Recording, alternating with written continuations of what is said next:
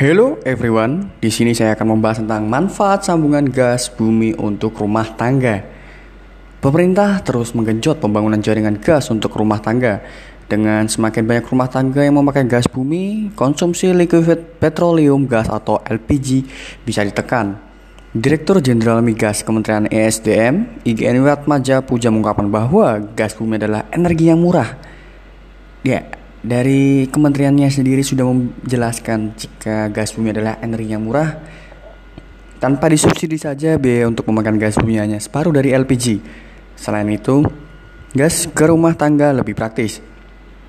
Mungkin untuk para ibu-ibu rumah tangga tak perlu repot-repot ke warung dan mengendung tabung gas ketika gas di rumah habis.